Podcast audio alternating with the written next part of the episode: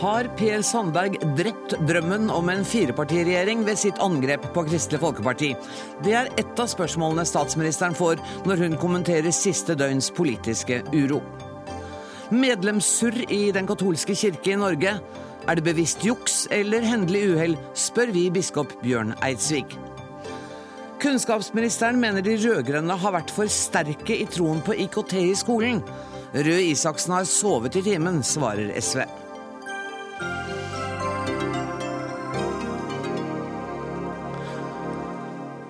Dette er fredagsutgaven av Dagsnytt 18, der vi også skal diskutere Norges forhold til Russland, men aller først. Per Sandbergs angrep på Kristelig Folkeparti og Knut Arild Hareides reaksjon i går har skapt mer enn storm i et vannglass. Nå i ettermiddag kom meldingen om at Hareide nå har akseptert Siv Jensens uforbeholdne unnskyldning. Siv Jensen har sagt at Sandberg har gått over streken, og at det han sier er uakseptabelt. Statsminister Erna Solberg, hvorfor kom ikke Siv Jensen med den unnskyldningen i går? Jeg mener det er bra at Siv Jensen har vært veldig tydelig i dag. Eh, jeg mener at det Sandberg sa var uakseptabelt. Jeg mener det er en måte og politisk ordskifte som jeg ikke syns er bra å ha i Norge. Og jeg mener at Siv har vært veldig tydelig, og da syns jeg at det var viktig og riktig at hun har, at hun har eh, både beklaget det, og eh, at Knut Arild har nå også tatt imot den beklagelsen på vegne av Kristelig Folkeparti. Men det tok dere altså mer enn 24 timer å komme med en sånn uforbeholden unnskyldning. Skyldes det at dere ikke umiddelbart så kraften i det Sandberg hadde sagt? Jo, og derfor så var det veldig tydelig beskjed både fra meg og fra, og fra andre om at dette, dette, var helt uakseptabelt. Om det var Kristelig Folkeparti eller om det som et samarbeidsparti eller om det hadde vært hvem som helst andre.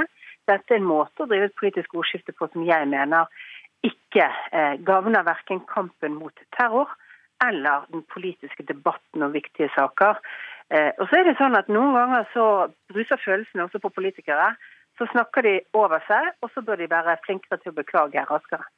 Men er det akseptabelt at en første nestleder i et regjeringsparti snakker så over seg? Det er jo ikke akseptabelt at noen politikere driver med den typen karakteristikker. og Derfor var det over en grense. Det var uakseptabelt. Derfor syns jeg det er bra at, eh, at Siv Jensen har eh, beklaget dette på vegne av Frp, og at Kristelig Folkeparti har tatt imot den beklagelsen. Hva gjør du nå for å holde Kristelig Folkeparti med i det borgerlige samarbeidet? Vi har et godt politisk samarbeid mellom disse fire partiene. Vi jobber jo med de viktige, store sakene fremover. Eh, som virkelig skal realisere også de, de grunnene til at denne regjeringen er kommet på plass. Det dreier seg om eh, å sørge for at vi får bedre rusomsorg i Norge. At vi sørger for at vi eh, gir rommet for frivilligheten større. Er det mange felles politiske saker. Så må vi selvfølgelig også ha en god runde på hva, hva vi mener er akseptabelt å omtale hverandre på. Og diskusjonen rundt dette. Det syns jeg er viktig at vi alle og alle delene av partiene er med på. Jeg skal, ikke, jeg skal ikke tvære dette for mye, men kan jeg bare eh, få deg til å si Uttalelsene fra Per Sandberg i går, var de i strid med den samarbeidsavtalen som ble undertegnet i Nydalen? Ja, I den, eh, eh i den samarbeidsavtalen som står i Nydalen, så står det faktisk at vi bygger på eh, et flerkulturelt og et mangfold i Norge faktisk er bra. Så det politiske innholdet i det han sa, tonen var også uakseptabelt. Per Sandberg har tidligere sagt at han var aktuell eh, for en statsrådpost. Er han fortsatt det? Jeg diskuterer ikke hvem som eh, skal bli statsråder i en regjering. Jeg har et utmerket regjeringskollega. De gjør en kjempejobb hver eneste dag på å gjøre Norge bedre. Eh, og jeg er veldig fornøyd med alle sammen. Tusen takk for at du var med i Dagsnytt 18, statsminister Erna Solberg. Per Sandberg har altså beklaget uttalelsene han kom med i går. Eh, det gjorde han før Dagsnytt 18, men da han kom til Dagsnytt 18, så fikk Knut Arild Hareide nok. Så her kan dere høre det kuttet. Det jeg etterlyser her deg, Per Sandberg. Jeg er glad for at du prøver å beklage, men min tålmodighet når jeg hører det har hørt deg i løpet av dagen, den er meget liten. Du har begått en stor feil. Du har prøvd ja, å beklage, og mitt tydelige budskap til deg er at nå er det nok, Per Sandberg. Nå bør du roe deg ned. Du bør gå til fakta og delta i debatten uten å komme med den type uttalelser som du har gjort i løpet av dagen i dag. Og det at du ikke engang greier å komme med en tydelig og helhetlig beklagelse, men faktisk å stå fast på substansen, det skuffer meg dypt. Samfunnsredaktør i Dagsavisen Irene Halvorsen har vi altså hørt at Knut Arild Hareide i dag har fått den uforbeholdne unnskyldningen fra Siv Jensen som han har bedt om. Um, hva syns du om statsministerens kommentarer til dette nå? Jeg syns det er veldig bra at Erna Solberg eh, kommer på banen. Denne saken har jo skreket etter eh, statsministeren og hennes politiske lederskap. Det er hun som måtte inn i dette, og det regner jeg jo med at hun har vært på bakrommet også, fra sitt eh, eksil i vinterferieland. Men, men det er jo helt åpenbart at man kan ikke ha gående en situasjon der det parlamentariske grunnlaget for regjeringen slites i fillebiter. Og Per Sandberg måtte, tror jeg, eh, gå en runde til å komme med en uforbeholden unnskyldning. Men saken i seg selv viser jo den dype, dype splittelsen som eh, river eh, regjeringspartiet Fremskrittspartiet. Og det kommer til å vedvare som et stort problem for denne regjeringen. Men var dette spikeren i kista for drømmen om en firepartiregjering? Ja, det tror jeg helt sikkert. Jeg tror ikke det er noen som tror på det lenger. Eh, kilder som jeg har snakket med i dag i, eh, blant de blå-blå, kanskje særlig hos Høyre, sier at eh, drømmen om en firepartiregjering det var det en del som trodde på i september i fjor. Den drømmen var ganske tynnslitt i november i fjor, og nå er den fullstendig over. Men, men hvor mye skal Kristelig Folkeparti finne seg? Altså, det virker jo litt som om de svelger kameler her, de òg, da? Ja, det gjør de selvsagt. Men eh, altså Nå eh, har Hareide i dag tatt imot en uforbeholden unnskyldning. I går så tenkte jeg at ok, dette er det Kristelig Folkeparti trenger. Det er den, det påskuddet de trengte for å trekke sin eh, støtte til det parlamentariske grunnlaget for denne regjeringen. I dag er jeg mer usikker. Mm. Men, eh, men, det er klart, du kan ikke gang på gang på gang på gang si at eh, strikken er strukket for langt før, faktisk, før den faktisk ryker, og du må si at du ikke vil være en del av dette samarbeidet. Lars Helle, sjefredaktør i Stavanger Aftenblad. Hvem skal ut, Sandberg, spør dere på lederplass i dag. Ja, hvem skal ut? Ja, akkurat nå har vel statsministeren fastslått at ingen skal ut av regjeringen. Men ingen skal inn heller, ser det ut til. I alle fall ikke, i alle fall ikke foreløpig. Det vi viser til i lederen, er jo det som går på innholdet i Per Sandberg sitt uttrykk, og, ikke, eh, og, og, og, det han sa i går morges. Ikke akkurat denne striden som oppsto i kjølvannet mot, mot KrF særlig, og delvis òg Venstre.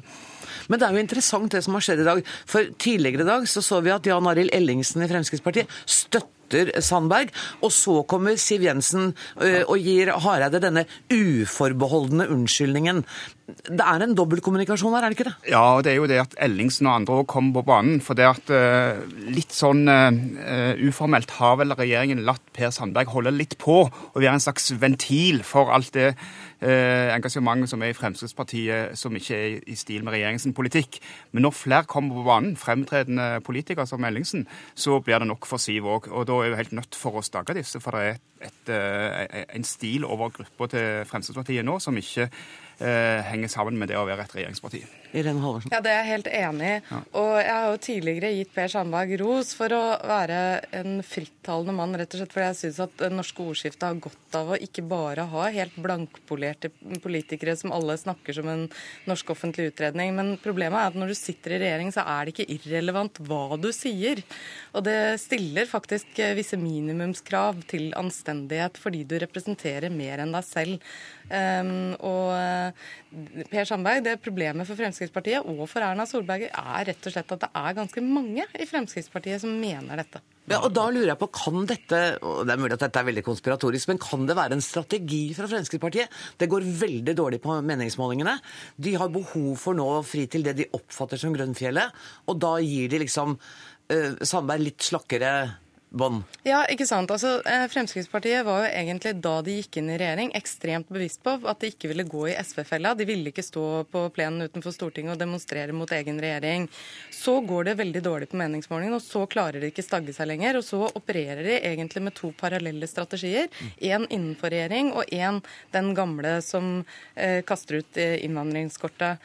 Og det er jeg usikker på hvor lenge det kan fungere. Jeg har spurt noen om det i dag, og så sier de ja, det gikk for SV i åtte åtte år. Men eh, jeg tror kanskje at for de blå-blå tror jeg ikke det fungerer så lenge. Hva tror du, Helle? Jeg tror akkurat det samme. Det kan, de kan, ikke fungere på denne måten. og Det er kanskje derfor det ble nødvendig for Siv Jensen i dag i alle fall, å gå så tydelig ut. Fordi, eh, fordi at eh, det hun frykter, det er å få ansvaret eller skylda for at eh, å bane veien for en ny rød eller rød-grønn regjering.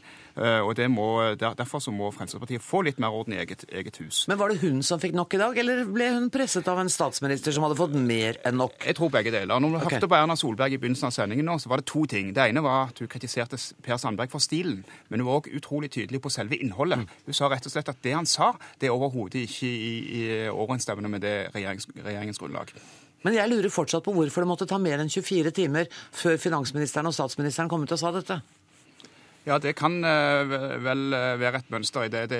det. er ofte sånn at Siv Jensen håper at uh, hennes partifeller ordner opp i det rotet de skaper sjøl, og hun venta vel i det lengste. Og vi så vel òg på kommentarene hennes i går, hvor hun bare viste til Per Sandberg sin egen uh, halvveis unnskyldning, uten at hun sjøl direkte sa unnskyld. Men hun forsto først i dag at det ikke gikk lenger. Ja, Det er jeg helt, helt enig i. Og så er det jo sånn at Hvis hun opplever at dette vokser, så tror jeg akkurat som Helle sa i stad, at da blir det helt nødvendig å ta det ned. Mm. Eh, per Sandberg alene, det kan hun åpenbart leve med eh, en stund. Eh, det virker nesten som om det er en bevisst strategi, akkurat som du sier, Helle. En sikkerhetsventil for å få utløp for frustrasjonene ute fra fotfolket. Men hun kan ikke ha en full splittelse i stortingsgruppa og hvor dette får pågå, hvor denne type samtaler får pågå pågå parallelt med regjeringsprosjektet. Nå blir det litt interessant framover også, fordi at Per Sandberg og Knut Arild Hareide sitter ved siden av hverandre hver uke i utenrikskomiteen. Eh, og med det, eh, stemningen i det ordskiftet i går, så eh, gleder jeg meg litt til å høre hvordan det går framover. Ja, Vi har jo ikke hørt Hareide ha den type nivå på sinnet sitt noen gang før. Nei, vi har ikke det, og vi har heller ikke sett det. Ehm, men ehm, jeg hørte ehm, Irene Halvorsen si her at dette her er definitivt spikeren i kista for drømmen om en eh, firepartiregjering. Jeg må bare høre med deg, Helle, er du enig i den vurderingen? Uh, nei, jeg tror nok ikke, ikke, det. Men jeg tror ikke det er spesielt aktuelt med det aller, aller første, første, tiden nå. det er for mye som må repareres. Derfor er det faktisk litt spennende hva som skjer på fylkesårsmøtet til KrF i vårt fylke, Rogaland, denne helga, hvor òg Hareide er til stede.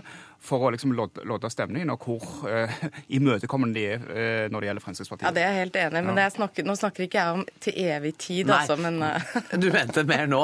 Men altså, det vi kan være enige om, at det er aldri helt kjedelig å være politisk journalist i dette landet. Nei, og denne regjeringen er jo ofte veldig irritert på mediene, men her klarer de jo veldig fint å spenne beina på seg sjøl, og det er jo riktig festlig å være med og se på. Ja, og Det er jo det fine med mindretallsregjeringer. Det blir litt kjekkere å være i mediene.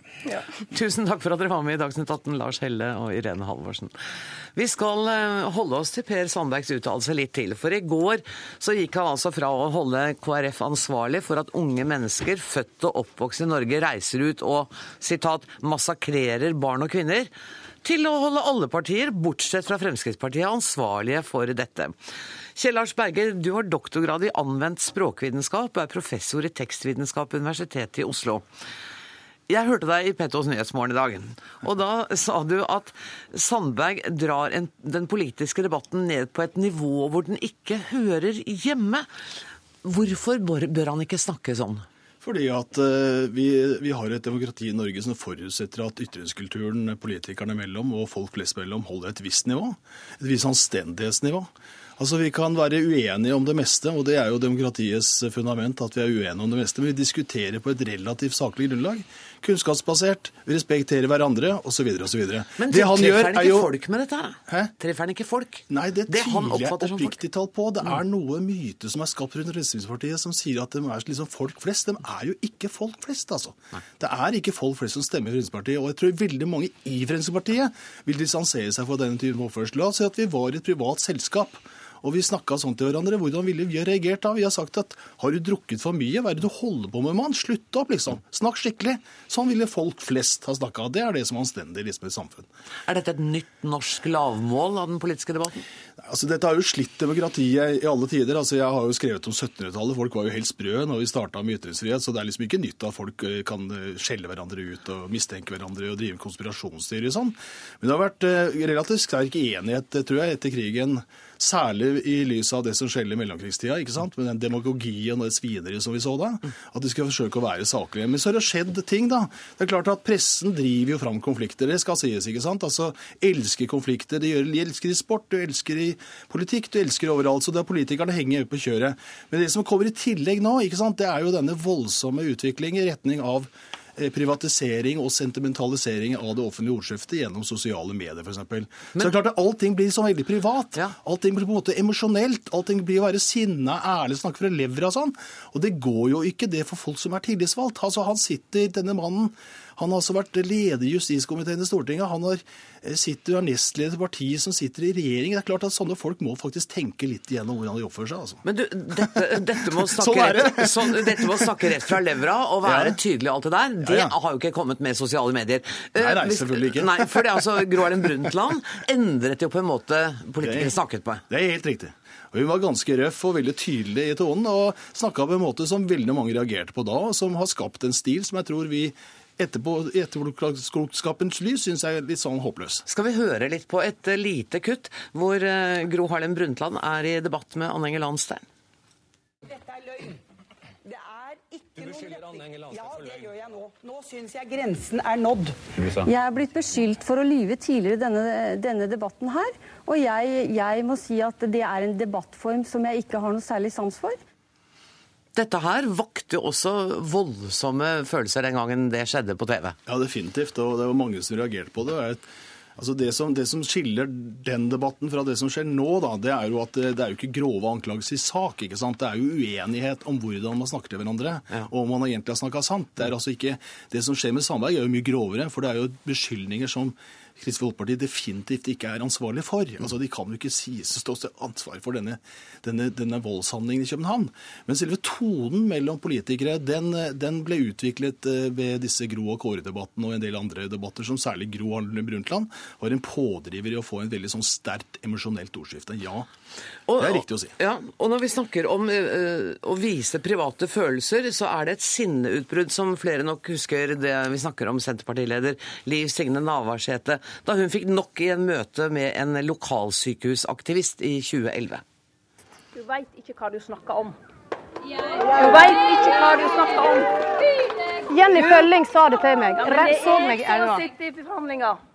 Det er jeg som har sittet og forhandla lange dager og lange netter. I flere timers telefonkonferanser. Jeg har stått på hver eneste barrikade i denne saken her. Du, jeg, aksepterer rett og slett ikke at du står her og sier at, at Senterpartiet Jeg har brukt dager og netter på denne saken her, og så skal jeg stå her og få kjeft det var kanskje ikke noe sjakktrekk å snakke til velgere på denne måten? Nei, definitivt ikke. ikke sant? Og Vi ser jo hvordan det gikk med Senterpartiet etterpå. Jeg tror, eh, altså Vi har jo en del undersøkelser som, hvor, hvor, folk har studert hvordan folk flest, som det da heter, ikke sant, reagerer på politikeres oppførsel i sånne saker.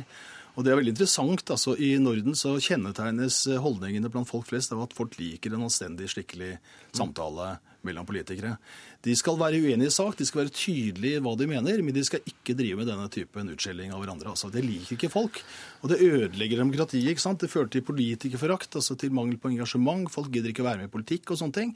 Så det er veldig alvorlig, altså. Og det, det bekymrer eh, oss alle ganske mye, faktisk. Vi har et eksempel til som er litt annerledes. Dette er Hadia Tajik som gikk ut mot FrPs Mazyar Keshvari i debatten i fjor. For det går en grense et sted. Og når det er stortingsrepresentanter, og nå har jeg jo nylig denne uken opplevd at det er en stortingsrepresentant i min egen komité som eh, kommer med, altså gir sin godkjenning da, til uttalelser om at jeg driver med muslimdominans og oppfordrer til halshogging og drap, da har man passert en grense. Og nå er det jo også sånn at Fremskrittspartiet er ikke et hvilket som helst parti. Det er et parti som sitter i regjering og som har makt i dette landet. Det er det partiet som skal bekjempe hatretorikk. Det er det partiet som skal forebygge at hatretorikk får et feste i landet vårt. Dere har òg et oppgjør og en skittentøyvask å ta. Keshvari. Fremskrittspartiet har aldri fremsatt de påstandene du kommer med. Og Det er jo rart hvordan en debatt om islamisering og ISIL kommer til å dreie seg om Men... deg og ditt ego, eh, Hadia. Er dette en debattform som er innafor det vi aksepterer? Nei, det syns jeg ikke. Det, dette er heller ikke bra. altså, fordi at Her er det jo snakk om at man snakker sant eller ikke, og de forsøker beskylder hverandre for løgn osv. Jeg synes jo, Det er ingen tvil om at Tajik vinner denne debatten, for den holder seg til saken, er veldig rydde og stiller krav altså, til etterrettelighet og kunnskap og sannhet. da. Mm. Og jeg synes, eh, jeg synes det som virkelig har bekymra meg med denne saken Jeg hørte dere diskuterte dette i stad. og Jeg skjønner at det har sett mye i løpet av dagen. Jeg har små andre ting å tenke på også. Noen av oss har det. Ja, ikke sant? Og det er klart at eh, liksom, I går kveld så var Siv her på TV, vågde ikke å stille opp i direkte debatt. Eh, sa at det, hun hadde gitt eh, Hareide en skikkelig unnskyldning. Så i dag så kommer da massevis av Frp-ere og liksom Det var ikke noe unnskyldning likevel og sånn. Altså det, det, er noe hykleri og noe tarvelig og noe ynkelig over dette som, som jeg tror at veldig mange av oss, og det gjelder uansett hvilken hvilke partier vi nå eh, mener at vi støtter og sånn, eh, vi reagerer på og syns ikke politikken har noe med. Altså, Dette her liker vi ikke. Vi vil ikke ha det sånn. Vi vil ha viss stil på norsk politikk. Det skal være friskt, det skal være tøft, det skal være godt formulert. Men det skal ikke være denne typen skittslenge, altså, rett og slett. Du var så vidt inne på det helt i starten når jeg brøt deg av da du begynte å snakke om sosiale medier. Men, men, vil eh, de, utviklingen av de sosiale mediene og vår nærhet til politikerne gjøre at vi må vente en helt annen og mye røffere og mer personorientert eh, politisk debatt? Altså, det er jo ingen tvil om at eh, dersom de politiske motsetningene er meget sterke, så kommer de tøffe motsetningene. Altså, det ser jo veldig godt i Sverige, hvor altså man beskylder hverandre for å være nazister, og rasister og jeg vet ikke hva. Det er liksom ikke måte på hva de slenger ut av seg på de sosiale mediene. Men det er klart, sosiale medier er en fantastisk ressurs også. En kjempefin mulighet til å drive demokratisk arbeid og demokratisk debatt. Men det krever jo altså at de sosiale mediene også utvikler en ytringskultur som gjør det mulig å delta der for folk som faktisk er opptatt av sak. Altså. Mm. Og Jeg er jo selv på Facebook og syns det er gøy å være der av og til. Og, og, jeg opplever at ofte så er det gode, fine samtaler. Vi kan godt være tøffe mot hverandre, så, men det er, det er som regel ganske ålreit. Men det uh, skittslenginga, særlig sånn Twitter-kultur, hvor man slenger med lepper og liksom forsøker å være frekk og ondskapsfull, være nedlatende, motbydelige påstander om folk, det er ikke bra. Det Svarer jeg, du på sånt? Jeg gjør ikke det, vet Nei. du. Nei, altså, Det er klart man skal holde seg unna. Og så er jo det veldig spesielle forholdet, da. At vi sitter ofte hjemme, og vi sitter om kvelden, og hvis man har tatt seg en klunk eller to, så er ikke det spesielt bra, altså. Så det krever ganske mye av oss, dette her. sånn. Vi må faktisk ta oss sammen. Det er noe annet å sitte i dette studioet. For meg å stå på en talerstol på Universitetet i Oslo og forelese, ikke sant. Mm. Og det å sitte hjemme privat, kanskje aleine med et glass, da må man passe seg, og så må man tenke over hvordan man faktisk uttrykker seg, også på sosiale medier. Det er kanskje en oppfordring som gjelder både politikere og alle oss andre. Det gjelder oss alle. Tusen takk for at du kom, Kjell Hars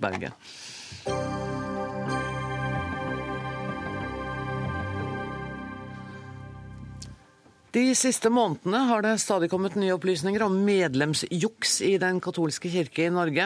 Kirken har, skal ha registrert intetanende innvandrende fra katolske land, og registrert dem som medlemmer uten å spørre dem. Medlemstallet ble nesten doblet på fem år. Det kan ha gitt Den katolske kirken flere millioner ekstra urettmessig i statsstøtte. Bernt Eidsvik, biskop i Den katolske kirke i Norge. Jeg har lest det har kommet over om dette, og jeg syns det er vanskelig å begripe. Kan du forklare meg hvordan dette kan ha skjedd? Jeg er ikke sikker på om jeg kan gjøre det til fullkommenhet. Men det vi vel så i ja, 2007-2008, var at vi hadde over 100 000 uregistrerte katolikker. Og de som, Noen av dem som drev med registrering, tror jeg fant forenklede måter å gjøre dette på. Å registrere ut fra nasjonalitet, altså hvor man forholdsvis sikkert kunne si at uh, de innvandrede var katolikker. Mm. Dette var en praksis som, så vidt jeg skjønner, utviklet seg fra 2011. Uh, eh, det er ikke noe jeg skal prøve å unnskylde. Jeg ble klar over praksisen i siste halvdel av 2012, tror jeg, og tok den da opp i Norsk katolsk bisperåd i 2013, altså første møte etterpå hvor vi besluttet å få kontroll over eh, registreringen. Eh, dette ble ikke gjennomført med en gang, og det ventet for lenge. Hvem er det sitt ansvar? Ja, vi er vel ikke kommet så langt at vi kan skille mellom skyld og ansvar, så det er jo siste instans mitt ansvar. Det er ditt ansvar. Om det ikke så er din skyld. Eh, den måten folk ble registrert på Jeg har lest at dere brukte, eller de som gjorde det, brukte telefonkatalogen. Det er nok spesielt umoralsk å bruke telefonkatalogen. Det kan man jo godt. Hvis du gjøre. melder folk inn i en organisasjon de ikke har lyst til å være medlem av, så er det vel tvilsomt? Eh, nei, man må jo spørre dem. Ble alle spurt? Nei, alle ble ikke spurt. Nettopp. Det er det vi holder på med nå. Altså, Vi har fått pålegg fra Fylkesmannen om å ordne opp i vårt register, og det gjør vi da med full kraft. Vi eh, hadde i fjor registrert 122 000 i Oslo katolske bispedømme. Vi har nå gått igjennom listene fra begynnelsen av januar, og så langt vi nå har kommet, så har vi 114 000 som er bekreftet. Okay. I tillegg har vi 6000 nye innmeldelser. Men biskop, eh, du sier at du ble klar over dette på slutten av 2012. Eh, tok det opp i kollegiet i 2013. Dere vedtok å gjøre, gjøre noe med det. Gjorde ingenting med det. Venter så på å måtte få et pålegg fra Fylkesmannen. Nei, Jeg tror ikke vi skal si at jeg ventet på det. Men ja, Hva var det dere venta på? det? Hvorfor gjorde dere ingenting? Det skulle jeg ønske jeg kunne si det.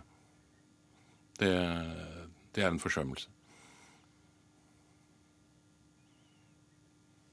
Fra din side? I siste instans fra min side.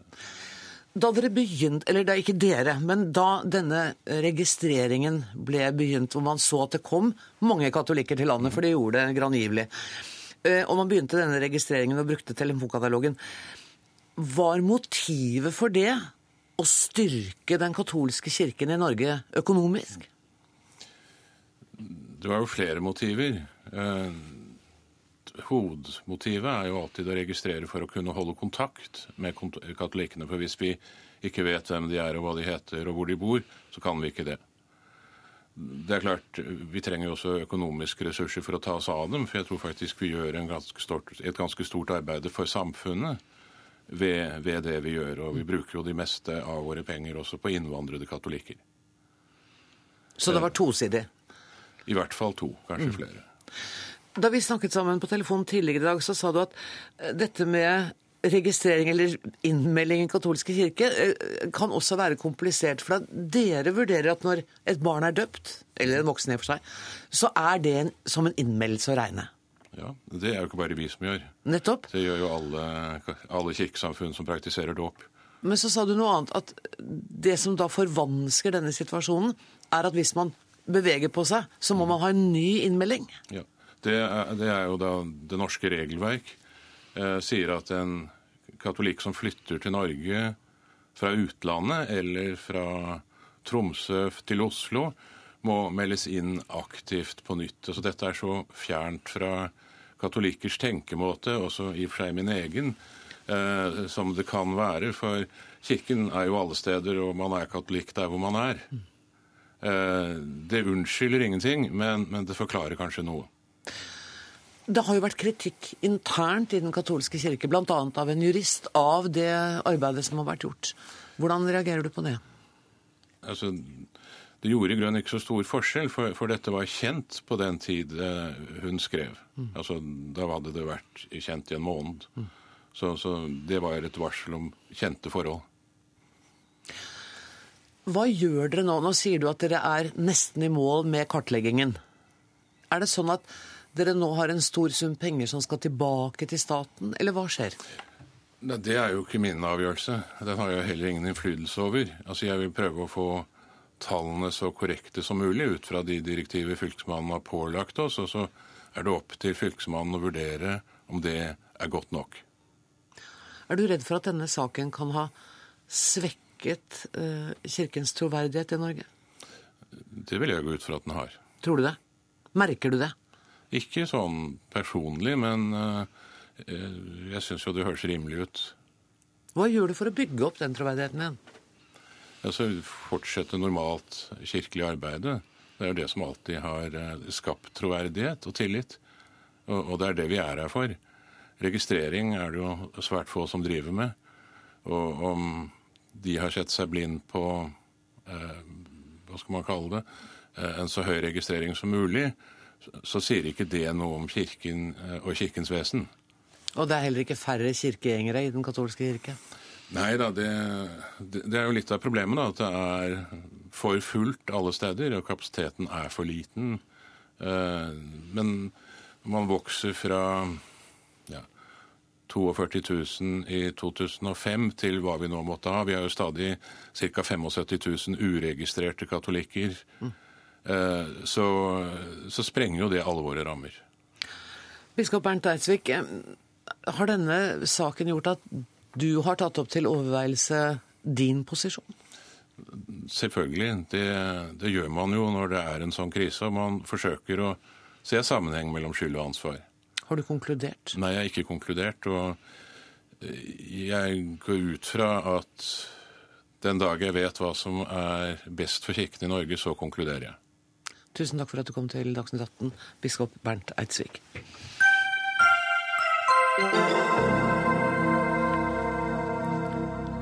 I går oppnevnte Utenriksdepartementet en ny leder for det som heter Norges kontaktpunkt for oppfølging av OECDs retningslinjer for flernasjonale selskaper.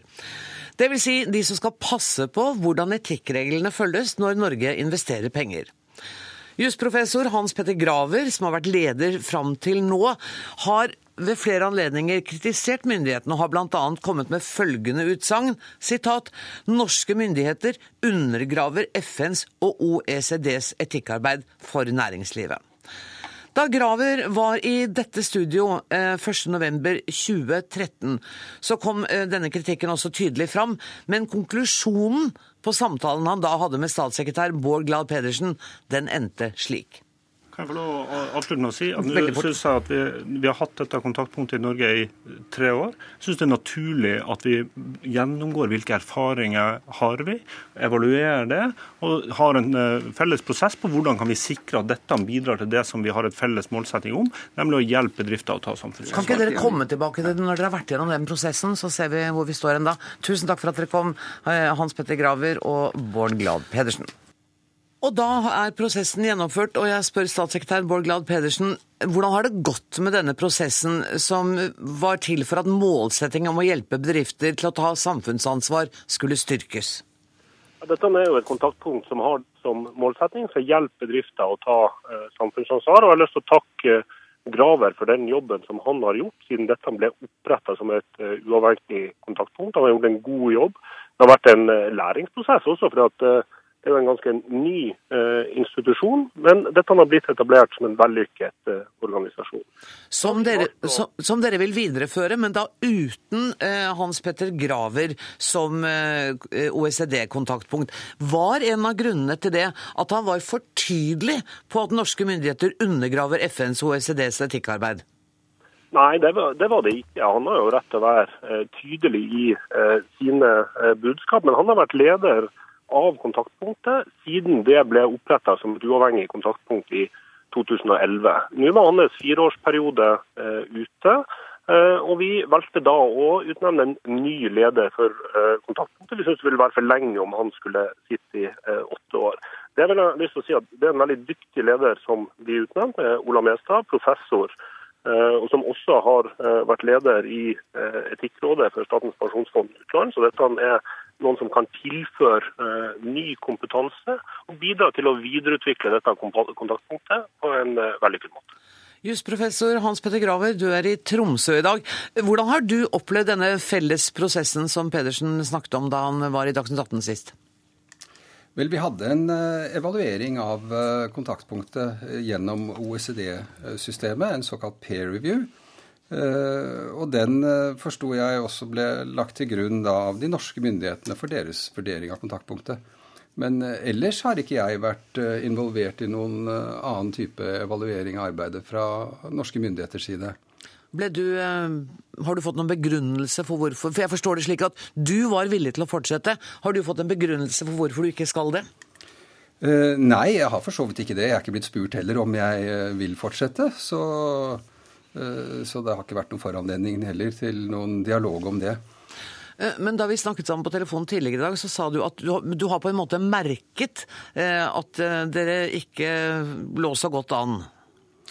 Ja, altså da jeg ble eh, oppnevnt, så trodde jeg jo det at dette var for to perioder. Det er jo det som eh, ble sagt i de opprinnelige mandatet også. Eh, men jeg fikk jo noen signaler sånn rett oppunder jul om at det kanskje ikke var så opplagt likevel at jeg ville få en ny periode, og det har jeg i og for seg innrettet meg etter. og Derfor så var jeg ikke veldig overrasket. Jeg... Men du fikk vel noen signaler før det også, gjorde du ikke det? Da du sa at lokalene ble sagt opp og ja, altså, ja, nei, det er ikke om at uh, altså det, det, er jo to forskjellige ting. Ja. Jeg, jeg, merket jo at uh, i og for seg arbeidet med kontaktpunktet ble atskillig vanskeligere mm. etter uh, at vi hadde en sak hvor vi kritiserte pensjonsfondet, Statens pensjonsfond utland og deres forhold til retningslinjene. Mm. Og Det er jo riktig, og kanskje det mest alvorlige syns jeg er at Kontaktpunktet skal bestå av eh, fire personer som er oppnevnt etter forslag fra næringslivet og LO, LO og eh, det sivile samfunn. Men da funksjonstiden til mine tre kolleger løp ut i fjor, for ca. et år siden, så var det ingen nye som ble oppnevnt. Og det har heller ikke vært andre som har fungert i kontaktpunktet enn meg det siste året. Og det er klart at det har jo eh, innebært en betydelig svekkelse av av ordningen og av eh, muligheten til å kunne fungere effektivt. Det må Bård Glad Pedersen få svare på. Det har vært altså ett menneske der det siste året, istedenfor at det skulle vært fire. Ja, det, det, har tatt for lang tid, det er det bare å si med en gang. Eh, vi har lagt vekt på at vi skulle ha en prosess der vi kunne ha dialog med både NHO og LO og Forum for å få eh, gode innspill til kandidater. Den prosessen har, har tatt for lang tid. Men det betyr jo at det, konsekvensen av det var at dere har nedprioritert det arbeidet som kontaktpunktet skulle gjøre? Nei, det, det, er jeg ikke enig i. Vi har lagt vekt på dette kontaktpunktet. og Det er jo derfor vi nå også har fått utnevnt nye eh, medlemmer. Der vi har fått eh, en kandidat fra NHO, eh, fra LO, som er en kandidat som fortsetter i kontaktpunktet, og fra, fra Forum. I tillegg til at vi har fått en ny veldig dyktig og kompetent leder som kan ta dette videre. Og jeg synes det er veldig uheldig hvis nå skapes et inntrykk av at vi har vært misfornøyd med, med Graver, for det er ikke riktig. Han har gjort en veldig god jobb i å få Eh, etablert dette, så syns vi det nå har vært viktig med en eh, fornyelse. Men det må ikke brukes til å undergrave den jobben som, eh, som Graver har, har, gjort. Vårt anliggende i denne saken fra Dagsnytt 18 side har, har bare vært å peke på at det altså har vært nesten ubemannet i ett år. Jeg gir ordet til Gunhild Ørstavik, som er seniorrådgiver i Forum for utvikling og miljø. Dere representerer 50 norske organisasjoner og har kunnskap å utvikle politikk innen feltene miljø, utvikling, fred og menneskerettigheter. Hva er din reaksjon på at Graver ikke får fortsette? Eh, jeg tror Aller først så vil jeg si at det nye kontaktpunktet som nå er oppretta, er et kompetent, kompetent kontaktpunkt. Og dette handler ikke om dem. Nei, nettopp. Det dette, det dette handler om, er grunnene til at man har kvitta seg med Graver. Og jeg må si at vi stiller oss ganske vantro. Eh, den evalueringen som Graver viste til, en sånn internasjonal peer review som ble, kom ut i fjor, viste jo at eh, det norske kontaktpunktet er fremheva som et eksempel til etterfølgelse for eh, andre kontaktpunkt i hele verden. Det har vært gjort en formidabel innsats fra hele kontaktpunktet og fra Hans Petter Graver. Og jeg må også si at når vi i sin tid nominerte han, så var det som medlem til det nye kontaktpunktet som skulle opprettes. Den gangen var departementet så begeistra at de innstilte han som leder.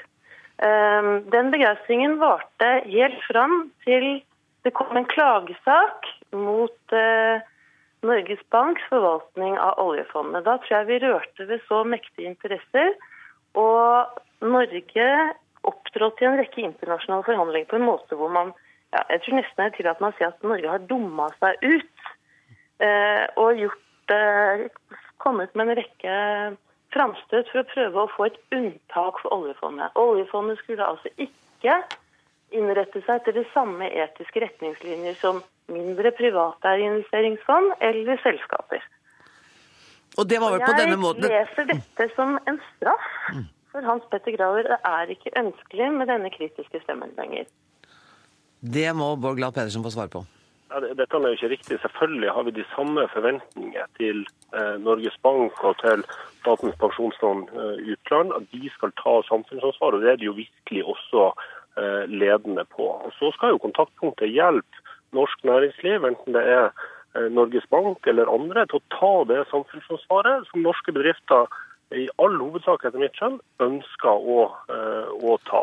Det er riktig at det var en sak for et år siden som medførte noe diskusjon, men som man fikk rydda opp i. Og så er det riktig også at etablering av kontaktpunktet i Norge har vært veldig vellykket. Ikke minst det at det har vært et så uavhengig eh, kontaktpunkt. Så har det også vært pekt på områder som eh, det var behov for forbedring, f.eks. For dialog med eh, norsk næringsliv, og som kontaktpunkt har tatt veldig godt inn over seg etter mitt skjønn og jobber videre systematisk med. Så det at vi har valgt nå en fornyelse i kontaktpunktet, skyldes ikke at vi ikke er tilfreds med Graver. Og også Forum har jo fått sin, en av sine kandidater med i det nye kontaktpunktet. og Jeg er glad for at Forum sier at vi har fått et kompetent kontaktpunkt også fremover. Og Det er jo vi oppnevnt fordi at vi ønsker at dette kontaktpunktet skal bidra til å hjelpe næringsliv og ta det samfunnsansvaret som de ønsker å ta. Det har du sagt men, flere ganger. Og... Men denne diskusjonen handler Nettopp, ja, om det kommende kontaktpunktet. Dette handler om på hvilken måte man takker av noen som har gjort en stor innsats. Det handler også om respekten for oss som har nominert. Og det handler om i hvilken grad kontaktpunktet er uavhengig. Man sier, og jeg ser også at Børge Brende sier i dag, et mer uavhengig kontaktpunkt. Mer enn hva? Er det uavhengig så lenge det passer norske myndigheter, og så blir det veldig avhengig og skal da forholde seg lojalt til norske myndigheters interesser når det passer. Og jeg tenker også Jeg tenker også at det, er, altså det som blir sagt, det handler også om hvorfor i all verden det har tatt dere et år å få på plass et nytt kontaktpunkt. Vi nominerte innenfor tidsfristen som var i fjor sommer. Det gjorde også LO. Eh, hva NHO har gjort, det vet jeg ikke. Men dette er en sak som bare har drøyd og drøyd. Og det vi har sett, er at etter at denne mekanismen, som ikke bare handler om å hjelpe norsk næringsliv, det er også en klagemekanisme overfor eh, selskaper og finansinstitusjoner som bryter ved sin virksomhet menneskerettigheter rundt i verden. Eh, det handler også om hvordan denne mekanismen kan tas videre. Mm. Og det vi har sett, er en sånn marginalisering av kontaktpunkt. Og det mener jeg at den lange tida det har fått på plass et nytt et, er et uttrykk for. Nå må jeg få lov å ta inn Hans Petter Graver igjen, for nå har han eh, sittet lenge stille. Nå har du hørt uh, debatten, uh, Graver. Var dere uavhengige nok, eller var dere kanskje i overkant uavhengige? Nei, jeg fikk klart inntrykk av at vi kanskje var mer uavhengige enn det uh, myndighetene ønsket. Uh, det skjedde en god del etter at vi kritiserte oljefondet, som i hvert fall har fått meg til å, å miste en del illusjoner jeg hadde om saklighet og objektivitet i forvaltningen. Og det har jo overrasket meg, for jeg har jo tross alt i over 20 år vært professor i forvaltningsrett og også tidligere jobbet i statsforvaltningen. Så jeg trodde ikke jeg hadde så mange illusjoner der, men eh, der tok jeg altså feil. Blant annet så ble det jo skrevet et eh, brev fra Utenriksministeriet eh, hvor de uttrykte bekymring over den sterke innflytelsen du hadde på tolkningen av regelverket. Ja da, det var det, og det var masse praktiske kjepper som ble stukket i hjulene. Altså, vi fikk plutselig ikke lenger ha felles arkivsystem eller nettside med, med, UD, og leiekontrakten vår som vi hadde hatt sammen med Etikkrådet, ble ble sagt opp, og, og, jeg ble nektet adgang til møter i OECD som jeg tidligere hadde vært på. Sånn, så det var masse sånne ting som førte til mye ekstraarbeid, og som førte til at jeg følte at uh, det ikke var ønskelig med uh, den typen reell uavhengighet som uh, egentlig mandatet ga uttrykk for. Dermed må jeg Ja, Bård Glad Pedersen, du du skal få siste ord. Ja, Nå blandes det jo sammen en serie ulike ting. og der, eh, Dette er et spørsmål som har vært håndtert og rydda opp i for lenge siden, og som også har bidratt til den uavhengigheten som Graver ønsker. Jeg har lyst til å si avslutningsvis og Vi vil gjerne takke Graver for den jobben han har gjort. Han har gjort en god jobb, har etablert dette. Men vi ønsker en fornyelse, og vi har lagt vekt på å sette sammen et kontaktpunkt som kan gjøre en god jobb videre. Det har vi gjort fordi vi mener at dette er en kontaktpunkt. Ja, Men det har du allerede sagt flere ganger, og tida vår løper. Jo, men det er jo, eh, det er jo viktig at dette ikke leder til misforståelser om vårt, vår intensjon med kontaktpunktet. så Derfor syns jeg det er viktig å understreke det. Mm. Og så mener jeg at eh, Graver kan føle seg trygg på at vi er tilfreds med den jobben han har gjort. og Det er ikke derfor at han ikke har blitt utnevnt til en ny periode, men han har jo heller ingen rett til en reoppnevnelse. Han var utnevnt til en fireårsperiode, han har sittet den fireårsperioden, og nå har vi utnevnt en ny leder. og Vi har lytta til Forum og andre uh, sine innspilte kandidater og satt sammen uh, det vi mener et godt kontakt. Takk skal du ha, Bård Glad Pedersen. Takk også til Gunhild Østavik og til Hans Petter Graver. Hør Dagsnytt 18 når du vil. Radio NRK Radio.nrk.no.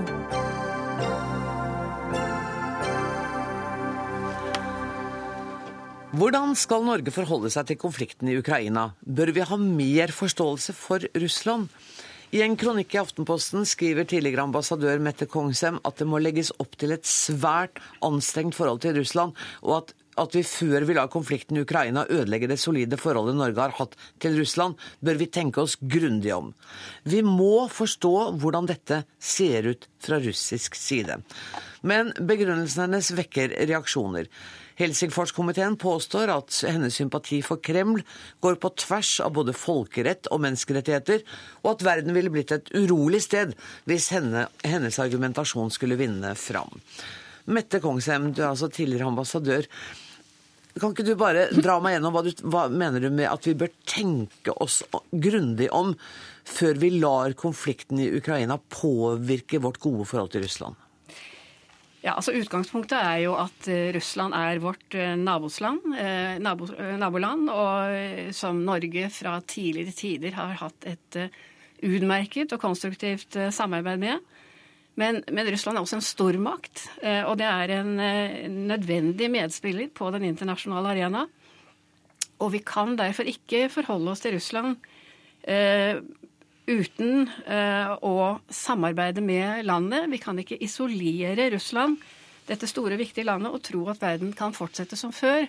Uh, og at kriser allikevel kan løse seg uten russisk medvirkning. Men, men, dette er jo, som du sier, en stormakt.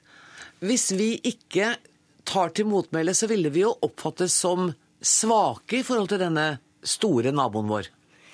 Ja, altså når jeg sier at uh, vi uh, må forstå uh, hva som foregår i Russland, så betyr jo ikke det at vi skal akseptere. absolutt ikke. økt forståelse for Russland, det er ikke ensbetydende med å unnskylde Russland. å forstå, det betyr dialog. Eh, og det betyr eh, at vi eh, bør ha en, en kommunikasjon med Russland. Det gjelder for så vidt både i politiske sammenhenger, men, men faktisk også i religionsdebatt. Men mener du, bare La meg få det helt klart. Du mener at man kan forstå Russland og kritisere den, men at den retorikken som brukes nå, er for kraftig? Ja. Det er det jeg mener. Eh, jeg mener at eh, vi har eh, over de senere år kjørt en politikk mot Russland fra vestlig side som har forårsaket at man på russisk side på en måte har skaffet seg et slags fiendebilde av Vesten. Den politikken som har vært ført med stadig Nato-utvidelser, med plassering av rakett eh, med eh, plassering av raketter eh, nær i, i, i russiske nærområder. Det har bidratt til at Russland er blitt engstelig for vestlig politikk fremover. Mm. Og dermed så får vi en reaksjon og en motreaksjon. Gunnar Ekeløve Slydal, eh, assisterende generalsekretær i Den norske Helsingforskomité. Dette høres jo for meg fornuftig ut. La oss snakke med dem. Eh, ja, men det er jo ikke sånn at vi ikke har snakka med Russland. Eh, vi har snakka mye med Russland, og det har vært mange fora som Russland har vært invitert med i. De har blitt med i Verdens handelsorganisasjon, de har hatt samarbeidsråd med Nato. Jeg kan egentlig ikke se at det er der problemet ligger. Vår analyse er heller det at eh, Putins regime har bruk for fiendebilder, og han skaper fiendebilder. Og han går til aksjon i et naboland og bryter dermed en rekke folkerettslige avtaler. Helsingforsavtalen, men også generelle kjøreregler i folkeretten. Og det er Norge, mener jeg, tjent med, også interessepolitisk, å reagere mot. Vi kan ikke ha en verden hvor store makter tar seg til rette. Men kunne vi ha reagert bilateralt? Hadde vi, hadde vi, trengt å liksom gjøre det så stort og, i samarbeid med Nato? Kunne ikke vi snakka med dem over bordet? Eh, det gjør vi nok også. Det er ikke helt slutt på all kontakt mellom Norge og Russland. Og det er heller ikke slutt på samarbeidsfora. Vi har nettopp eh, feira 70-årsdagen eh, for frigjøring av Finnmark sammen med Russland. Så det er et nyansert bilde. Jeg syns at det er klokt av Norge å være sammen med EU i sine reaksjoner. Fordi dette gjelder jo hvilken sikkerhetsarkitektur vi skal ha i Europa. Og Norge alene kan ikke bestemme det, men vi må være med eh, der de store maktene, og også de små, kan være med å påvirke. Tar Mette Kongsem feil, da? Eh, når du sier å forstå Russland, alle er enig i det. Det er veldig viktig å forstå Russland. Hva skjer i Russland? Hva er beveggrunnene? Men det er veldig nært et annet uttrykk å ha forståelse for. Og det mener jeg er feil. Vi kan ikke ha forståelse for den måten Russland agerer på i Ukraina-konflikten. Det har vel ikke du heller, Kongsheim? Nei, nei. Og der har jo jeg vært eh, helt eh, klar. Altså, vi kan forstå Russland, vi kan forstå Vi skal prøve å forstå det som foregår der. Men vi kan selvfølgelig ikke akseptere det som har skjedd nå med, med anneksjonen av Krim og involveringen i Øst-Ukraina. Men, men mitt anleggende er hvorfor er vi kommet til dette punktet? Eh, er det noe eh, som vi kunne ha gjort annerledes fra vestlig side, sånn at kanskje denne konflikten kunne vært unngått? Har du svar på det selv? Ja, altså, Det er helt klart det at Ukraina er viktig for Russland, men Ukraina er også viktig for Vesten. Mm. Uh, altså, Ukraina har gassrørledninger som fører russisk gass til Vesten det er ikke helt eh, Det er ikke helt eh, eh, Hva skal vi si Det er ikke helt Uten betydning? Uten betydning, nei. Hvordan man forholder seg til det landet. Og det er jo riktig, Sluta. Det er riktig. Men det vi må være på vakt mot, er å akseptere interessesfærer. Ukraina er et selvstendig land. De har egne rettigheter, egen suverenitet. Det må vi stå fast på. Det er helt klart. Eh, det skal vi stå fast på. Men vi skal heller ikke glemme at bildet er mer sammensatt enn som så. Og at det er andre land som også har interessesfærer som eh, vi er klar over, og som vi innretter oss etter i vår utenrikspolitikk. Takk for at dere ga oss disse nyansene, Mette Kongshem og Gunnar Ekeløve Slydal.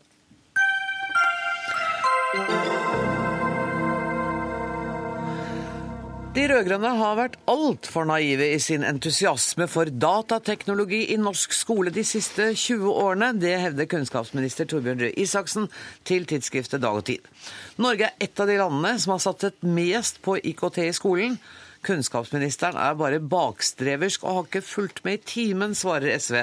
Torgeir Knag Fylkesnes, utdanningspolitisk talsperson for SV. Hvordan kan du påstå at den mannen ikke har fulgt med i timen? Er det noe han har gjort, så er det det. Ja, det, det burde han i alle, fall, i alle fall. Jeg mener det her er en overreaksjon. Jeg skal gi jeg skal gi kunnskapsministeren rett i én ting, og det er at det har vært altfor mye fokus på datamaskiner, og iPad og maskiner inne i norsk skole. Men vi har vært altfor lite opptatt av innholdet i det.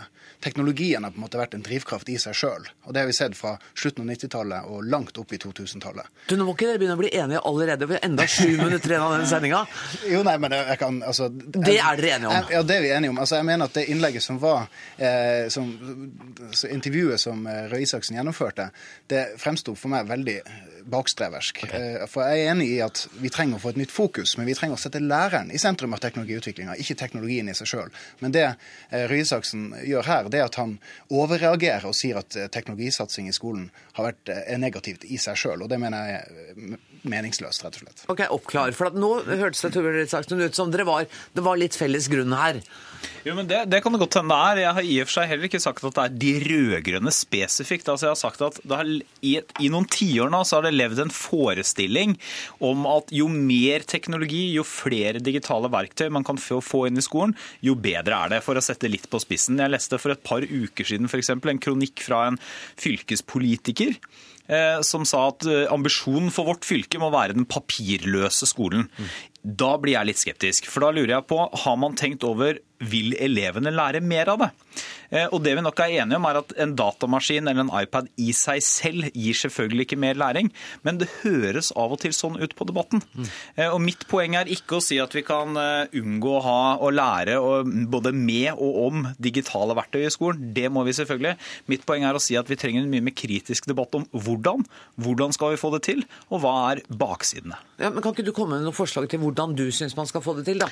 Og som da er uenig med SV, eller som er ja, i motstrid? Nå er det ikke noe poeng for meg i seg selv å si noe som SV er uenig i. Det er jo på en måte din, meg, din jobb som programleder å eventuelt få fram den uenigheten. Og ansvar over på deg, ja, Men jeg kan, si, jeg kan, si, jeg kan si to, komme med to eksempler. Eh, det ene er at vi vet at eh, det kommer flere tilbakemeldinger fra skolen på at på en del skoler så er det at man er online hele tiden, det skaper Det er rett og slett vanskelig å styre seg. Det vet man selv også. Når jeg holder foredrag, så ser jeg at halvparten av salen, hvis ikke jeg er innmari god, da, sitter og kikker ned i iPaden eller mobiltelefonen sin. eller noe sånt. Det gjør de også på mange skoler. Det er et problem. Og det er en skyggeside ved at teknologien har kommet inn for fullt. Det andre er at hvis man skal få mer læring igjen av teknologien, ikke bare ha en duppeditt der eller et nytt program eller presentere det på en mer fargerik måte, så må det brukes av lærere som vet hvordan de skal bruke det. Da må man enten endre undervisningsopplegget sitt, eh, da må man lage en politikk for det på skolen. Man må rett og slett ha en systematisk tanke rundt hvordan man bruker det. Ikke bare bare tenke at jo mer, jo bedre automatisk. Det var jo en sånn forelskelse i alt dette nye. Ja, det var det. Eh, og det har vi sett egentlig i hele vestlig verden. Eh, det var sånn når den nye teknologien kom, så var det halleluja. Eh, det her skal vi satse på. Og så var det om å gjøre fra fylkesordførere, ordførere og, statsråder rundt omkring å få flest mulig datamaskiner inn. Og så trodde man at det samme skulle skje i skolen som har skjedd i arbeidslivet ellers. Det skulle skje en revolusjon. Men så glemte man jo lærerne oppi dette, man glemte elevene oppi der. At man må istedenfor bare satse på hardware, så må man satse på software. Og det har på en måte forsvunnet. Og det er derfor man har etablert dette IKT-senteret for eh, utdanning. Det er nettopp for at de skal eh, begynne å finne eh, læreren i dette. her. Læreren må rett og slett være drivkraften i utvikling av teknologien. Teknologien må ikke være det som er drivkraften. Men og der da, tror jeg dere er helt enige. Jo, men det, bare for å ta et eksempel på, på, på, noe som skjer i skolen i dag. For dette her er jo ikke noe som vi sitter og finner på her. Det er, rundt omkring i norsk skole så, så jobber de med den type prosjekter. Ta Kikora, et, et matteprogram som blir brukt overalt, bl.a. også her i Oslo. Det hjelper elevene eh, til å eh, løse masse oppgaver. De får respons umiddelbart. Læreren får tilbakemelding kontinuerlig, slipper å rette og alle de tingene som vi vet tar livet av mange mattelærere rundt omkring i landet. Eh, og kan da istedenfor å rette være mye mer strategisk eh, i å lære eh, elevene. Og dermed så frigjør det tid til undervisning, til tilpasset opplæring. Og da treffer du teknologien på en veldig mye bedre måte for læring. Og det er det jeg mener at det, det, jeg mener at det, det er tendenser i utspillet til, til Røe Isaksen. Jeg hører jo nå at det er andre takter på det. Men uh, det er tendenser til at man ser litt ned på IKT i seg sjøl. Men dette er jo bare et verktøy. Ja, men jeg synes det, altså, det ville vært meningsløst. Nå har jeg med meg en papirnotatbok hit. Men, det, men, notatene, men jeg skal si at, no, ja, men at notatene til denne debatten fikk jeg på e-post på mobiltelefonen min. Det er den verden vi forholder oss til, alle sammen. Men jeg tror litt av problemet er altså, Én eh, ting er at eh, man skal lære digitale ferdigheter i skolen. Det, å, det, er helt naturlig at skolen også ligner på samfunnet utenfor. Selvfølgelig. Noe ganske annet er jo i hvilken grad kan digitale verktøy gjøre at du lærer mer matematikk, f.eks. Eller lærer å skrive bedre. Eh, og, og der er det veldig vanskelig å finne forskning som gir en klar dokumentert sammenheng. Og det den forskningen som finner en sammenheng, veldig tydelig peker på, det er at det skjer hvis man endrer undervisningsopplegget også. Og Det betyr også at f.eks. Senter for IKT, som jeg nå har ansvaret for, som er det offentlige organet, de må også være veldig tydelige på det. Hvis de blir oppfattet som en slags eh, ukritisk heiagjeng for digitalisering, så gjør de ikke jobben sin. De må også, og det gjør de for øvrig også, det er viktig å få fram, de må også få fram både dårlige sider, god bruk, dårlig bruk, advare mot hva som kan være skadene ved å f.eks. Eh, tankeløst tenke at nå skal vi innføre en papirfri skole, eller nå skal alle elevene få ha eh, PC-er oppe til enhver tid i undervisningen. Alt det må tenkes kritisk gjennom, og man burde ha en skeptisk og kritisk holdning i utgangspunktet. Og vet du hva, Der tror jeg dere er helt enige. Dere vil ikke ha en papirfri skole, og du skal ikke ha laptopen oppe absolutt hele tida. Jeg kan fortelle helt uten noe datateknologi at denne sendinga nærmer seg slutten. Det bare å se på klokka. Eh, tusen takk til Torbjørn Røe Isaksen og Torgeir Krag Fylkesnes. Så skal jeg helt til slutt fortelle at ansvarlig for sendinga i dag var Berit Ytrehus. Det tekniske ansvaret har Lars Tronsmoen. Jeg heter Anne Grosvold og tar helg, men er på plass i dette studioet igjen på mandag. Takk for nå.